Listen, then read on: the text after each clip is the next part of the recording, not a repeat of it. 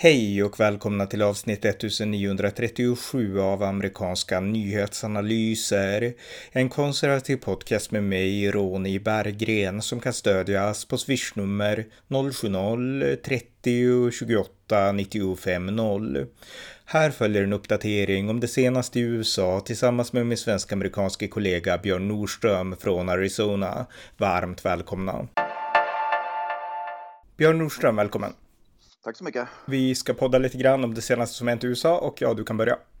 Ja, vi kan ju prata om in, in, illegala invandrarkrisen som pågår just nu i USA. Framförallt pågår den ju i New York och Chicago, städer som förut har gapat och skrikit om hur viktigt det är att inte stänga gränsen och att illegala immigranter ska få komma in. Och sen så har vi ju pratat om det här också att Texas framförallt, men även Florida och Arizona har skickat upp illegala immigranter då till New York City och, och Chicago. Och då har ju de fått upp ögonen för att det är, det är problem med illegala immigranter. Så ett exempel då, New York City idag. Nu, skolorna har just börjat här, så New York City har 19 000 barn som är från illegala immigranter som promenerar in i skolan den första dagen. 19 000 barn betyder att de, New York City behöver ungefär nästan 1000 lärare och 1000 klassrum för att kunna ackommodera de 19 000 barnen som är illegala som har kommit in under de senaste veckorna och månaderna. Och Chicago och Eric Adams då som är borgmästare för New York, han, han, han säger att, att New York håller på att kollapsa totalt. Det, mm. New York fungerar inte, håller på att kollapsa. Samtidigt får vi komma ihåg att New York då har ju haft väldigt, vad ska man säga, snälla lagar. Man kan begå våldsbrott i New York och släppas ut på gatan samma dag för att man liksom blir varken åtalad eller så att, så att kombinationen av den illegala immigrationen och de slappa våldslagarna i, i, i New York då och även då att åklagaren inte i New York inte längre liksom eh, åtalar då brottslingar gör ju det att New York är ju bokstavligen nu på, på liksom grundranden av en kollaps. Och det mm. andra exemplet jag tänkte ta det är ju Chicago. Men, men Chicago. Innan, innan, innan, vi går till Chicago, jag, jag tänkte säga så, mest vi håller oss kvar i New York. Eh, guvernören där då, som också är demokrat, ja. Katie Hochul, hon höll ett ja. tal bara häromdagen där hon la skulden för den här migrantkrisen, inte som man kan tro och inte som demokraterna alltid gjort hos republikanerna eller hos Texas guvernör, utan man la skulden på Vita huset och hon namngav explicit Joe Biden, den här demokratiska ja. guvernören Katie Hochul. Så att nu ja. har demokraterna i New York insett, i alla fall regeringen där, att eh, det här leder till ett politiskt bakslag för oss och eh, den som är ytterst ansvarig för att styra upp det här, det är presidenten. Och även om han är demokrat i det här fallet så måste vi lägga skulden där skulden är hemma. Så att Katie Hochul, hon har lagt skulden på president Joe Biden och det är ändå sak som måste betonas. Samt hon har också sagt att hon är öppen för att tillkalla en special session för kongressen i Albany eh, för att då diskutera och försöka ta itu med den här enorma krisen i New York. Ja, och det är ju inte, tyvärr så krävdes det, om det här inte hade skett då, säg till exempel att framförallt Greg Abbott som är guvernör i Texas inte hade skickat upp alla dessa illegala immigranter till New York, då hade fortfarande Kerry, eh, guvernören i New York, då, Katie Hochul, hon hade ju fortfarande då eh, skyllt på republikanerna. Det är inget problem, gränsen är inget problem, för så, så länge det inte är New York så är det ju inget problem. Va? Så det enda sättet för att få, det var ju precis det som, som uh, guvernör Abbotts då, liksom, tanke var med det hela, det enda sättet att få de här vänsterliberala delstaterna då uppe i norr, då, som New York, som Illinois till exempel, då, att begripa vad som egentligen pågår. Det är att, de, att, de, att de ska få, jag tror han nämnde det i något tal han höll också, han sa att nu ska ni få, ni kommer att bli en del av gränsen nu. Ni kan inte skydda längre, ni blir en del, ni, ni kommer också bli en gränsdelstat nu, så ni får uppleva precis det som vi upplever varenda jäkla dag i Texas med illegal invandring. Mm. Och, så, att, så att hon har vaknat upp, inte på grund av att hon gör rätt sak från början, eller säger rätt sak från början utan att helt, nu, nu liksom är det en kris som är på bokstavligen på hennes egen farstu. Mm. Så Republikanerna har verkligen spelat det här spelet rätt genom att tvinga på de här problemen ja. även på de här liberala delstaterna och kostnaden Exakt. för, jag läser i New York Post nu att kostnaden för de här ungefär över 60 000 illegala immigranter eller immigranter, jag vet inte om de är legala, som har kommit till New York på grund av det här nu som har skett. Den kommer att bli 2025 beräknas den vara 12 miljarder dollar och det är mycket pengar även för en så stor och rik delstat som New York. Så att eh, det här är verkligen ett problem nu. Ja, eh, säga att New York är rikt kan man nog inte påstå därför att många av de människorna i, i New York, jag såg New York håller ju på att avbefolkas, jag tror de tappade 300 000 människor förra året, 2022. Och de människorna som New York förlorar, som liksom, de flyttar till Florida framför allt. Och det är inte de fattiga människorna, de som, liksom har, som har störst behov av statlig hjälp, bidrag eller sådana där saker, utan det är människor som tjänar mycket pengar, som betalar mycket skatt. Som, liksom det är skattebasen de förlorar mm. som sticker sen. Så att, att New York är en rik delstat, det stämmer inte alls. New York håller på att tappa väldigt mycket inkomster på grund av förlorad skatt, på grund av att folk med höga inkomster och med, med liksom, vad ska man säga, stabil och bra ekonomi och så vidare. Det är de som sticker. Va?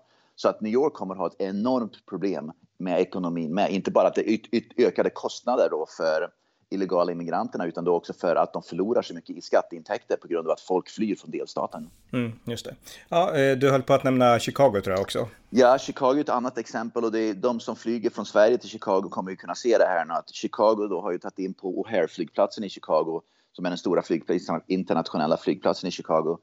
Uh, där ligger det bokstavligen hundratals migranter överallt. Det är in, in, illegala invandrare. Chicago har inte lyckats hitta på något ställe där de ska liksom där de ska husera illegala immigranter, utan de, de kör iväg dem till O'Hare-flygplatsen och lägger dem i terminalerna där helt enkelt. Va? Så bokstavligen, man kan titta på bilder alltså. Går man, går man igenom terminalerna på O'Hare-flygplatsen så liksom kryllar av illegala immigranter som bara ligger där och väntar på deras öde, vad det nu kommer att bli. Mm. Det är ingen som vet det heller. Va? Och det, det är helt, det är, från ett mänskligt eller humant perspektiv så är det ju väldigt inhumant att göra på det här sättet också. Va? Det är ju ingen lösning att ta liksom människor då från Latinamerika och sen lägga dem, bokstavligen lägga dem på golvet i en flygplats och sen få se vad som händer. Va? Det är liksom inte en human lösning heller som de här vänsterliberala delstaterna och Joe Biden då skapar. Det är inte det som att de löser ju inget problem i Latinamerika. De löser inte ett problem för människorna. Tvärtom, det blir inhumant för även de människorna. Väldigt inhumant för de människorna som då är inblandade i det här som är illegala immigranter. Va? Så att det, alla är förlorare på det här. Det finns ingen, ingen, ingen vinnare. De enda som vinner på det här, det är väl i så fall de här uh, human traffickers, kartellerna då som håller på att smuggla människor, människosmugglare. Det, det är de enda vinnarna på det här. Mm, ja. Eh, ja, något mer? Ja, vi pratar ju ofta om att demokratiska delstater och kommuner i, i, för ett par år sedan, då, då, till exempel Minneapolis i Minnesota, de ville göra här defund the police, de ville i princip kapa polismyndigheten. Va? Det var liksom poppis på den tiden för ett par, tre år sedan. Mm. Och uh, en demokrat, en demokratisk politiker i delstaten Minnesota som var väldigt vad ska man säga, outspoken, som ville kapa polismyndigheten helt i delstaten Minnesota, hon blev överfallen. Hon blev det kallas för carjacking, jag vet inte vad det heter på svenska. Eh, hon satt i sin bil och så kom det in någon person med vapen och helt enkelt bara slängde ut henne ur bilen och snodde bilen. Rånade, råna henne och tog henne och, och, och stal bilen. Helt plötsligt nu så vill hon att polisen ska ha förstär mer, mer medel. Hon tackar polisen och, och polisen naturligtvis ska få nu ska få finnas kvar och behövs i, i Minnesota. Med andra ord, vi har pratat om, vi har gett exempel på sånt här förut. Va? precis samma politiker som har gapat om defund the police, Demokraterna då naturligtvis. Det, det, krävs att de blir utsatta personligen själva för ett våldsbrott för att mm. de ska förstå att polisen behövs. Och det är det som är så himla fruktansvärt med det här. Om andra människor, om deras grannar, om människor som de inte känner, liksom i, bara vanliga kommuninvånare blir utsatta för våldsbrott på grund av deras galna politik och visioner av hur ett polislöst samhälle ska se ut. Det skiter de fullständigt i. Men när de själva blir utsatta för brott, då måste polisen helt plötsligt finnas igen. Det, det, är så vidrigt och fruktansvärt att de inte har någon empati eller förståelse för andra människor annat än när de själva blir utsatta. Ja, nej, men det är samma sak som det som hände i New York. Alltså delstaten måste själv bli utsatt för att liksom få upp ögonen för problemet. Så att jag håller med helt vidrigt. Men det är bra att de ändrar sig, men det är synd att det ska behöva bli som det blir. En annan sak som jag tänkte nämna det är att Enrique Tarrio, som tidigare ledde Proud Boys, den här gruppen yep. som var med på stormningen av Kapitolium, han dömdes till 22 års fängelse. Och jag har gjort en podcast, det gjorde jag i våras redan, för då stod det klart att han och även ledaren för Oathkeepers skulle dömas till långa fängelsestraff. Det är poddavsnitt 1863 där jag går igenom de här fallen och diskuterar diskutera frågan om huruvida de här straffen var för hårda, vilket jag lutar åt att jag tycker. Och vi får se hur Donald Trump gör om han skulle bli president, om han benådar dem eller inte. Men det viktiga är att betona att svensk media, då blir de här grupperna direkt avfärdade som att de är högerextremister, nynazister och sen är det inte mer med det. Men man behöver förstå djupet i de här frågorna, så jag rekommenderar det podcastavsnittet, podd 1863, för er som vill veta mer om den här Enrico Tarrio och Proud Boys. Så att det var bara det. Du kan fortsätta. Ja, på tal om brott. Jag tänkte bara nämna det här att USA tar våldsbrott. Och framförallt, eh, det är ganska intressant, för i Sverige kan man ju våldta människor. Man, får en, man blir belönad, våldtäktsmannen blir då belönad. Ibland läser man ju av för, eh, man får liksom skadestånd om man är våldtäktsman ungefär. Mm. Men jag såg att en hyfsat känd skådespelare här i USA, det har väl inte egentligen med någon större nyhet att göra, men det bara visar att USA tar våldtäkter och våldsbrott på allvar. Uh, I alla fall en skådespelare som heter, vad heter han, Danny, kommer inte ihåg hans efternamn, han spelar den här That 70 Show hyfsat mm. känd skådis. Han våldtog tydligen två kvinnor 2001 och 2003 för drygt 20 år sedan. Igår uh, blev rättegången klar och han får 30 år i fängelse, 15 år för varje våldtäkt. Så två våldtäkter, 15 år, så 30 år i fängelse. Som andra ord, man tar våldtäkter på allvar här, även om det är en känd skådespelare. Så han åker in på i princip resten av livet. Mm, Okej, okay. han heter Danny Masterson tror jag han heter. Tack så mycket. Ja, Danny Masterson mm. heter han ja. Japp. Just det. Mm. Eh, ja, något mer? Jajamän, uh, den republikanska här i delstaten Arizona så röstar ju väljarna fram, då, inklusive jag själv. Man röstar fram inte bara vem som ska bli guvernör, man röstar också fram vem som ska bli skolmyndighetens chef då, man röstar fram vem som ska bli, vad ska man säga, eh, delstatens, vad ska man säga, district attorney, åklagare och så vidare och så vidare. Va? Så att även om guvernören är, även om guvernören är demokrat så kan en så kan åklagaren, liksom, åklagaren vara republikan. Liksom, det kan vara olika partier i alla fall. Men hur som helst, åklagaren i delstaten Arizona har nu... Liksom, här, vi har pratat mycket om en smash and grab, framförallt i Kalifornien då, när det kommer in massa gäng och bara rensar rent i affärer och liksom, ja, stjäl i affärer och bara rensar rent. Det finns inget någon kan Ingen vill göra någonting åt i Kalifornien.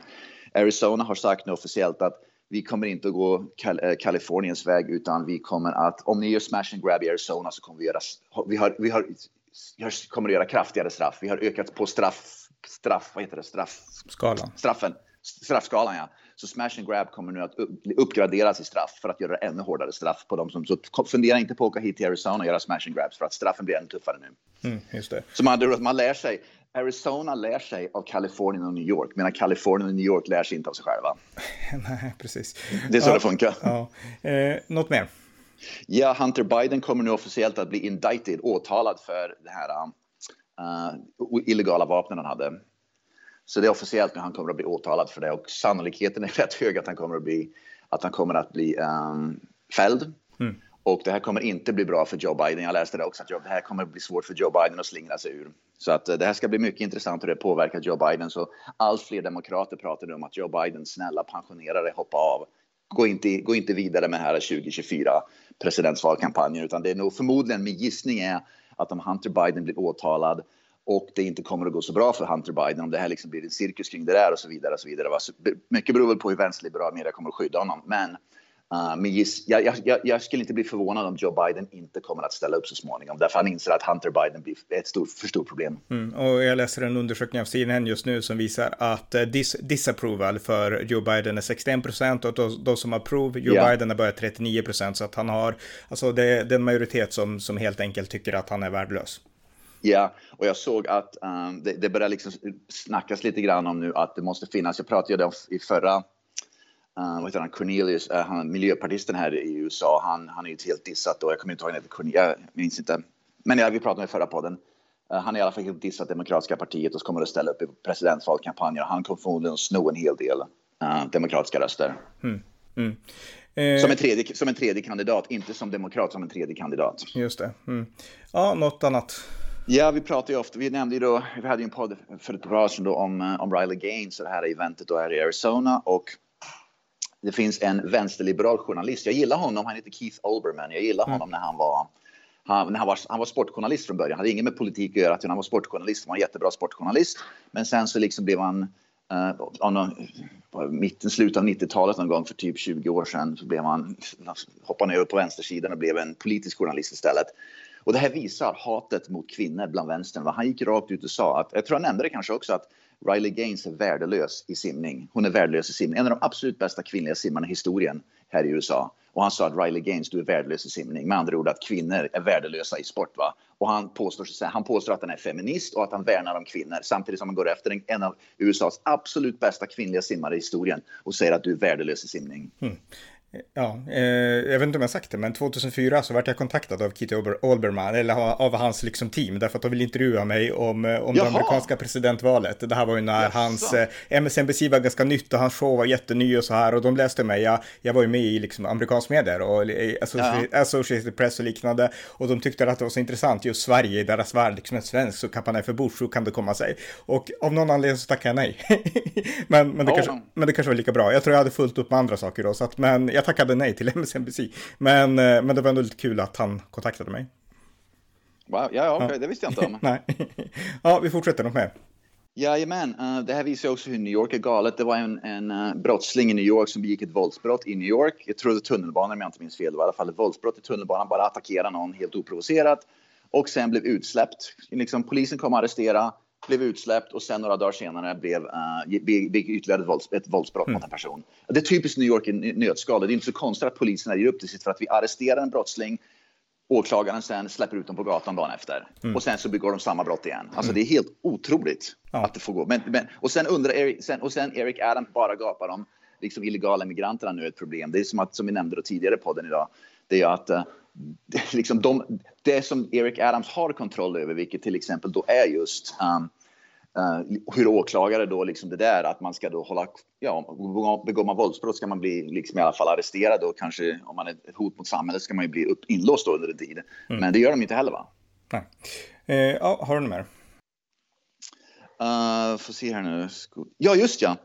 Um, I en skola i Virginia så och det här visar just hur uh, problemet att I en skola i Virginia, så var, det var en gymnasieskola, så var det en person som var en transgender som blev mobbad i skolan. Men skolan kontaktade och pratade aldrig med föräldrarna om att den här transgender-eleven på skolan blev mobbad och inte ens berättade för föräldrarna att personen, den eleven då i skolan var en transgender. Så föräldrarna visste inte om vad som pågick överhuvudtaget. Varken att det var en transgender, transgender att deras barn var transgender eller att det var en, att barnet blev mobbad över att vara transgender. Så i alla fall det slutade med att barnet sen rymde och blev, och blev offer för uh, människohandel och sex trafficking här i mm. USA. Och det visar också just att skolan genom att inte kontakta och prata med föräldrarna om det här utan höll det, vad ska man säga, dolde det, höll det gömt, höll det liksom hemlighöll det från föräldrarna så slutar barnet som sexslav. Det, alltså det är helt otroligt. Ja, helt det, otroligt. Ja. Och det, det, är ett perfekt exempel på det här med liksom hur farligt det är när man försöker liksom göra, alltså man, man ska bygga en mur mellan, alltså wall of separation mellan föräldrar och barn. Alltså skolan gör det, det är absurt. Japp. Mm. Och det, och det slutar med att barnet far illa till sist. Ja, och, det, ja. och, det, visar också att den här transgenderrörelsen och de här vänster då skiter fullständigt i barns, i barns hälsa, barns, barn överhuvudtaget. Ja. De bara går efter sin ideologi. Ja, verkligen. Något annat? Jag har ett par saker till. Bill Maher, vi pratade ju också om honom. Han är en ärlig, klassisk liberal i alla fall han kallade för de här woke-liberalerna, det senaste är att de är som Ku Klux Klan. Allt de ser är, ras, ras, ras. De, de, ser människor bara i ras. Och det är precis det Ku Klux Klan gjorde. Så att han, blir, han, är, han är en ärlig liberal faktiskt. Så att när han är outspoken om det där så vet vi att det är något gravt, grovt fel på mm. den här uh, woke-rörelsen. Mm. Ja, något mer? Ja, jag har en sak till. Uh, jag gick in i en affär, jag skickade bilder till dig. Jag gick in i en affär för några dagar sedan för att handla och det här eh, öl, så har de massa öl uppställda på såna här pallar. Då. Så ölen Bud Light sålde för 16 dollar och 98 cent i 24 stycken, det, 24 stycken uh, cans, såna här burkar. Mm. Jag tror det, jag vet inte hur mycket det är i varje burk, men i alla fall 24 cans i en burk för 16,98 och sen ett annat märke som också var 24 24 burkar eh, med exakt samma vad ska man säga, volym i varje burk. Så med andra ord 24 burkar med exakt samma volym i de där. Sålde för 10 dollar mer. Mm. Och de var, de var hälften hade sålt ut redan efter mm. de sattes upp. Så med andra ord, folk betalar hellre 10 dollar mer för att köpa öl som inte är Bud Light. Och det visar att den här, den här, uh, vad heter det, den här bojkotten ja den hålls stenhårt på. Folk fortsätter med den. Jag såg att Bill Gates förresten har köpt en massa aktier nu i Anheuser-Busch. Okej, okay, okej, okay, ja, där ser man. Ja. En sista sak innan vi slutar bara. Jag vill bara säga att på tal om invandring och att man bussar upp dem till, till New York och så. Nu föreslår Biden någonting som indirekt kallas Remain in Texas. Alltså han vill på något sätt försöka ja. tvinga de ja, här illegala att stanna kvar i Texas för att de inte ska orsaka problem i norr. Så att jag menar, jag vet inte hur han ska göra det här praktiskt, för jag vet inte hur man gör det. Men, men liksom, men det är ungefär så han vill lösa saken nu när han har insett eh, att... Ja. Han, han, han, begriper inte att uh, remain in Mexico kanske är det som gäller, som borde gälla från början. Va? Det är helt otroligt. Och på tal om det, en sak till bara. Mexiko, Mexikos uh, regering uttalade sig om muren vid Mexiko och sa att Mexikomuren kan jämföras med Berlinmuren. Och min tanke är att Berlinmuren byggdes ju av öst för att hålla östtyskarna instängda. Mm. Mexikomuren är för att hålla människor utstängda. Och det är totalt två, två helt olika saker. Va? Så jag, vet, jag kan ingenting om Mexikos president, jag vet inte vem det är eller något sånt där. Men det visar i alla fall att, att de har inte begrepp om skillnaden på Berlinmuren och Mexikomuren och vad liksom vitsen är med de två murarna. Nej, nej precis. Vi kan, vi kan nöja oss med det, så tack så mycket Björn. Tack så mycket. Tack för att ni har lyssnat på amerikanska nyhetsanalyser, det konservativa alternativet i Sverige som kan stödjas på swishnummer 070-30 28 95 0 eller via hemsidan på Paypal, Patreon eller bankkonto. Skänk också gärna en donation till valfri Ukraina-hjälp. Tack igen för att ni har lyssnat.